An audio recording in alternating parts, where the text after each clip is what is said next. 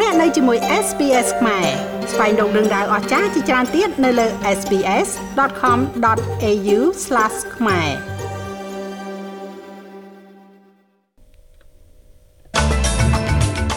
ប្រាក់ឈ្នួលអបបរមាជាតិនឹងកើនឡើង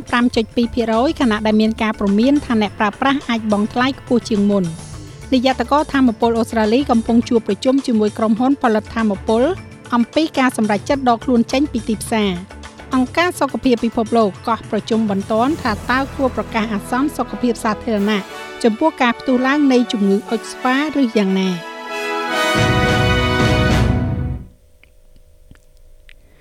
ប្រាក់ឈ្នួលអបបរមានឹងកើនឡើង5.2%បន្ទាប់ពីមានការសម្រេចដោយគណៈកម្មការយុតិធធការងារឬហៅថា Fair Work Commission ។ នៅក្នុងការពិនិត្យសាររើប្រាក់ឈ្នួលប្រចាំឆ្នាំរបស់ខ្លួនគណៈកម្មការនេះបានលើកឡើងពីការកើនឡើងយ៉ាងខ្លាំងនៃថ្លៃចំណាយរស់នៅនិងទស្សនវិស័យអតិផរណាដែលជាកត្តានៅក្នុងការសម្រេចចិត្តការសម្រេចនេះនឹងដំឡើងប្រាក់ឈ្នួលអបបរមាជាតិពី20.33ដុល្លារដល់21.38ដុល្លារក្នុងមួយម៉ោងនោះស្មើនឹងការកើនឡើង40ដុល្លារក្នុងមួយសប្តាហ៍ ប្រធានគណៈកម្មការយុតិធធការងារលោក Ian Ross មានប្រសាសន៍ថាសេចក្តីសម្រេចនេះត្រូវបានធ្វើឡើងបន្ទាប់ពីការពិចារណាយ៉ាងយកចិត្តទុកដាក់ There has also been a sharp rise in the cost of living មានការថ្លៃចំណាយសម្រាប់ការរស់នៅក៏បានកើនឡើងយ៉ាងខ្លាំងផងដែរចាប់តាំងពីការពិនិត្យឡើងវិញកាលពីឆ្នាំមុន នៅពេលធ្វើការសម្រេចចិត្តកាលពីឆ្នាំមុនសន្ទុះតម្លៃទំនិញប្រើប្រាស់និងរង្វាស់មូលដ្ឋាននៃអតិផរណា ទាំងពីរនេះមានកម្រិត1.1%តួលេខដែលអាចប្រៀបធៀបបានឥឡូវនេះគឺឈរនៅ5.1%សម្រាប់ CPI និង3.7%សម្រាប់មធ្យមភាគឬក៏អត្រាអតិផរណាជាមូលដ្ឋាន។ ការកើនឡើងនេះគឺខ្ពស់ជាងអត្រាអតិផរណាប្រចាំឆ្នាំនាពេលបច្ចុប្បន្នប៉ុន្តែទាបជាងអត្រាអតិផរណាដែលបានព្យាករណ៍ទុកសម្រាប់ពេលប្រមាណខែខាងមុខ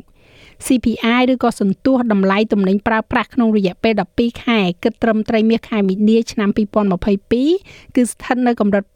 5.1%ហើយធនាគារជាតិព្យាករណ៍ថាវានឹងឡើងដល់7%ស្របពេលជាមួយគ្នានេះលោកស្រី Sally McManus មកពីក្រុមប្រឹក្សាសហជីពអូស្ត្រាលី ACTU មានប្រសាសន៍ថាសេចក្តីសម្រេចនេះត្រូវបានស្វាគមន៍ដោយកម្មករ2លាន6សែននាក់ដែលរងផលប៉ះពាល់ពលគឺ25%នៃកម្លាំងពលកម្មអូស្ត្រាលី We think it's going to make a significant difference to the pressures. យើងគិតថាវានឹងធ្វើឲ្យមានខុសប្លែកគ្នាយ៉ាងខ្លាំងចំពោះសម្ពាធដែលកម្មករប្រាក់ខែទាបកំពុងទទួលរងជាមួយនឹងការកើនឡើងនៃថ្លៃចំណាយរស់នៅ ចលនាសហជីពបានតស៊ូយ៉ាងខ្លាំងសម្រាប់ការកើនឡើងនេះនៅទូទាំងការបោកបាក់ដ៏ធ្ងន់ធ្ងរយើងក៏ត្រូវប្រឆាំងនឹងអ្វីដែលនយោជកកំពុងជជែកវែកញែកថាជាការកាត់បន្ថយប្រាក់ឈ្នួលពិតប្រាកដដ៏សំខាន់មួយនៅពេលដែលប្រាក់ចំណេញរបស់ពួកគេកើនឡើង20%ហើយផលិតភាពកើនឡើងក៏ដូចជាភាពអត់ការងារធ្វើមានកម្រិតទាបការសម្រេចចិត្តនេះគឺសមហេតុផលហើយវាយុត្តិធម៌ ក៏ប៉ុន្តែផ្ទុយទៅវិញសភាពាណិជ្ជកម្មនិងឧស្សាហកម្មអូស្ត្រាលី កំពុងតែប្រមានថាអ្នកប្រើប្រាស់អាចនឹងបង់ថ្លៃខ្ពស់ជាងមុនដោយសារតែការសម្រេចចិត្តរបស់គណៈកម្មការ Fair Work នៅក្នុងការបង្កើនកម្រិតប្រាក់ឈ្នួលអបបរមាចំនួន5.2%នេះពួកគេអះអាងថាការដំឡើងប្រាក់ឈ្នួលនឹងបូកបន្ថែមថ្លៃដើម7900លានដុល្លារដល់ការចំណាយរបស់អាជីវកម្មដែលរងផលប៉ះពាល់ក្នុងឆ្នាំខាងមុខ នាយកប្រតិបត្តិរបស់អង្គការនេះគឺលោក Andrew McKellar មានប្រសាសន៍ថាការដំឡើងប្រាក់ឈ្នួលនេះអាចនឹងឃើញថាអ្នកប្រើប្រាស់អាចចំណាយកាន់តែច្រើនដោយសារតែការឡើងថ្លៃដើមដោយផ្ទាល់ឬវាអាចថាដាក់សម្ពាធបន្ថែមទៀតដល់អត្រាអតិផរណា that will be a very considerable burden that those businesses will វានឹងក្លាយទៅជាបន្ទុកដ៏ច្រើនសន្ធឹកសន្ធាប់ដែលអាជីវកម្មទាំងនោះអាចថានឹងត្រូវទទួលយកដោយខ្លួនឯងឬក៏ទម្លាក់បន្តទៅឲ្យអតិថិជនរបស់ពួកគេ វាកើតឡើងនៅពេលដែលអតិផរណាកំពុងតែលេចចេញជាបញ្ហាប្រឈមបន្ទាន់បំផុតមួយនៅក្នុងសេដ្ឋកិច្ចអូស្ត្រាលីហើយប្រសិនបើយើងត្រូវដោះស្រាយបញ្ហានោះប្រសិនបើយើងត្រូវបន្តប្រកួតប្រជែងនោះច្បាស់ណាស់នេះមិនមែនជាការសម្រេចចិត្តដែលអាចជួយបាននោះទេ នាយកតកធម្មពលអូស្ត្រាលីកំពុងជួបប្រជុំជាមួយនឹងក្រុមហ៊ុនផលិតធម្មពលនៅថ្ងៃនេះដើម្បីពិភាក្សាគ្នាអំពីការសម្រេចចិត្តដែលក្រុមហ៊ុនមួយចំនួនសម្រេចដកខ្លួនចេញពីទីផ្សារប្រតិបត្តិការទីផ្សារធម្មពលអូស្ត្រាលីបានដាក់តម្លៃកំណត់ត្រឹម300ដុល្លារក្នុង1មេហ្គាវ៉ាត់ម៉ោងលើតម្លៃលក់ដុំនៃអគ្គិសនីនៅ Queensland, New South Wales, Victoria និងរដ្ឋអូស្ត្រាលីខាងត្បូងដើម្បីរឹតបន្តឹងការកើនឡើងយ៉ាងឆាប់រហ័សនៃថ្លៃធម្មពលអគ្គិសនី។ នាយត្តករក៏បានសរសេរលិខិតមួយទៅកាន់ក្រុមហ៊ុនធម្មពលទាំងនេះដោយព្រមានពីការផាកពិន័យប្រសិនបើពួកគេត្រូវបានរកឃើញថាធ្វើឲ្យវិបត្តិធម្មពលកាន់តែអាក្រក់ឡើងថែមទៀតដោយសារតែការដកលទ្ធភាពផ្គត់ផ្គង់ចេញពីទីផ្សារ នៅក្នុងប្រទេសកម្ពុជាវិញនៅព្រឹកថ្ងៃទី14ខែមិថុនាកញ្ញាសេងធីរីត្រូវបានសមត្ថកិច្ចចាប់ខ្លួនភ្លាមៗនិងនាំយកទៅកាន់ពន្ធនាគារព្រៃសរបន្ទាប់ពីសាលក្រមតុលាការបានប្រកាសសម្រេចដាក់ពន្ធនាគារចំនួន6ឆ្នាំមុនពេលចាប់ខ្លួនអតីតសកម្មជនសិទ្ធិមនុស្សដ៏ល្បីល្បាញនៅកម្ពុជារូបនេះបានស្លៀកពាក់តាមរូបសំណាកសេរីភាពរបស់អាមេរិកស្រែកតវ៉ានៅមុខតុលាការយ៉ាងដូចនេះថា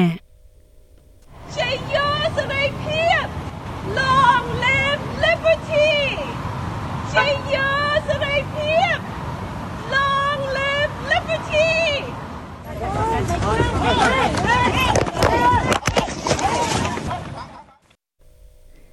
ស្ថានទូតអាមេរិកប្រចាំនៅកម្ពុជាបានចេញនូវសេចក្តីថ្លែងការណ៍ដោយសម្ដែងការខកចិត្តជាខ្លាំងចំពោះសាលក្រមរបស់តុលាការសាលាដំបងរាជធានីភ្នំពេញកាលពីម្សិលមិញនេះស្ថានទូតបានប្រកាសអំពាវនាវឲ្យអាជ្ញាធរកម្ពុជាដោះលែងកញ្ញាសេងធីរីនិងសកម្មជនសិទ្ធិមនុស្សរួមទាំងសកម្មជនបកប្រឆាំងដទៃទៀតចេញពីការឃុំឃាំងនៅពន្ធនាគារដោយបានហៅកាត់ក្តីនេះនិងការឃុំខ្លួននេះថាជារឿងដ៏អយុត្តិធម៌ ចាស់លោកមេងផាឡានឹងជួនសេចក្តីរាយការណ៍លម្អិតនៅវគ្គក្រោយបន្ថែមទៀតដោយលោកអ្នកអាចចូលស្ដាប់របាយការណ៍ពេញលើគេហទំព័ររបស់យើងនោះគឺ sps.com.au/ ខ្មែរអង្គការសុខភាពពិភពលោកបានក៏ហៅកិច្ចប្រជុំជាបន្ទាន់មួយ ដើម្បីកំណត់ថាតើការផ្ទុះឡើងនៃជំងឺអុចស្វាឬក៏ហៅថា monkeypox គួរត្រូវប្រកាសជាគ្រាអាសន្នផ្នែកសុខភាពសាធារណៈនៃក្តីបារម្ភរបស់អន្តរជាតិដែរឬក៏យ៉ាងណា នោះគឺជាការប្រមានកម្រិតខ្ពស់បំផុតដែលចេញដោយទីភ្នាក់ងារអង្គការសហប្រជាជាតិដែលបច្ចុប្បន្នអនុវត្តតែចំពោះរោគរាតត្បាត COVID-19 និងជំងឺស្វិតដៃជើងតែប៉ុណ្ណោះ។អគ្គនាយកអង្គការសុខភាពពិភពលោកលោក Tedros Adhanom Ghebreyesus មានប្រសាសន៍ថា គណៈកម្មាធិការអ្នកជំនាញនឹងជួបប្រជុំគ្នានៅសប្តាហ៍ក្រោយថ្ងៃទី23ខែមិថុនាដើម្បីពិចារណាលើការរីករាលដាលរបស់ជំងឺអុចស្វានេះនៅហួសពីផ្នែកខ្លះៗនៃទ្វីបអាហ្វ្រិកដែលជាកន្លែងឆ្លង So far this year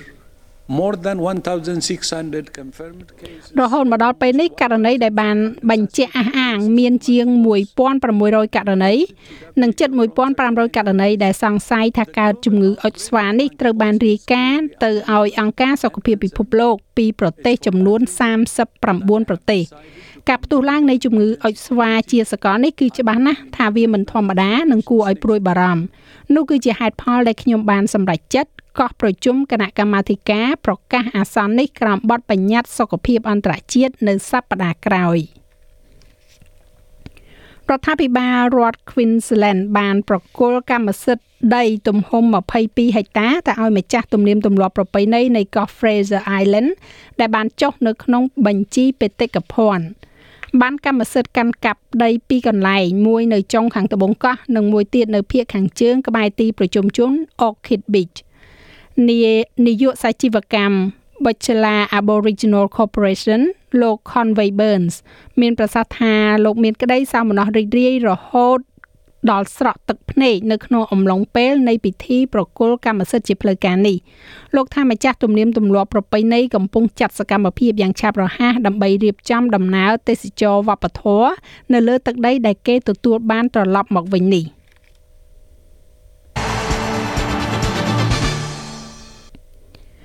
នៅក្នុងកីឡាបាល់ទាត់ទីលានប្រកួតដែលមានក្រុមចំនួន32ក្រុមត្រូវបានកំណត់ឡើងសម្រាប់ការប្រកួតបាល់ទាត់ពិភពលោកឆ្នាំនៅឆ្នាំនេះ Costa Rica បានបណ្ដើដណ្ដើមកៅអីចុងក្រោយនៅក្នុងការប្រកួតនេះដោយបានបំបាក់ក្រុម Nouvelle Zelande មួយទល់នឹង0នៅក្នុងការប្រកួតជម្រុះអន្តរទ្វីបរបស់ពួកគេនៅប្រទេសកាតា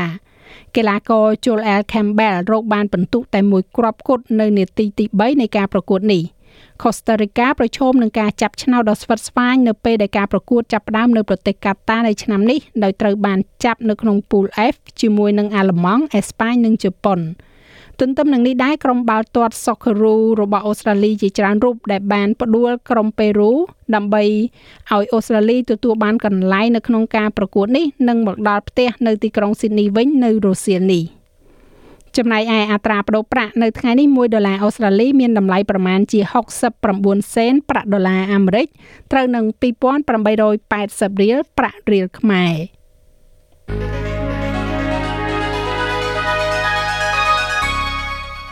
ឥឡូវយើងក៏លេខមកមើលការព្យាករណ៍អាកាសធាតុសម្រាប់ថ្ងៃប្រហ័សស្អែកនេះវិញទីក្រុងផឺតមានពពកដោយពេល22អង្សា នៅអាដាលេដរលឹមបន្តិចបន្តួច17អង្សា មានរលឹមនៅមែលប៊ន15អង្សា នៅហូបាត មានពពកដោយពេល14អង្សា ទីក្រុងខេនបេរ៉ារលឹមបន្តិចបន្តួច13អង្សាភាគច្រើនបើកថ្ងៃនៅស៊ីដនី20អង្សា ដូចគ្នានៅ Brisbane 24អង្សា ទីក្រុង Cairns មានពពកដោយពេល28អង្សា បើកថ្ងៃនៅ Darwin 33អង្សា ទីក្រុងភ្នំពេញភាគច្រើនមានពពក34អង្សា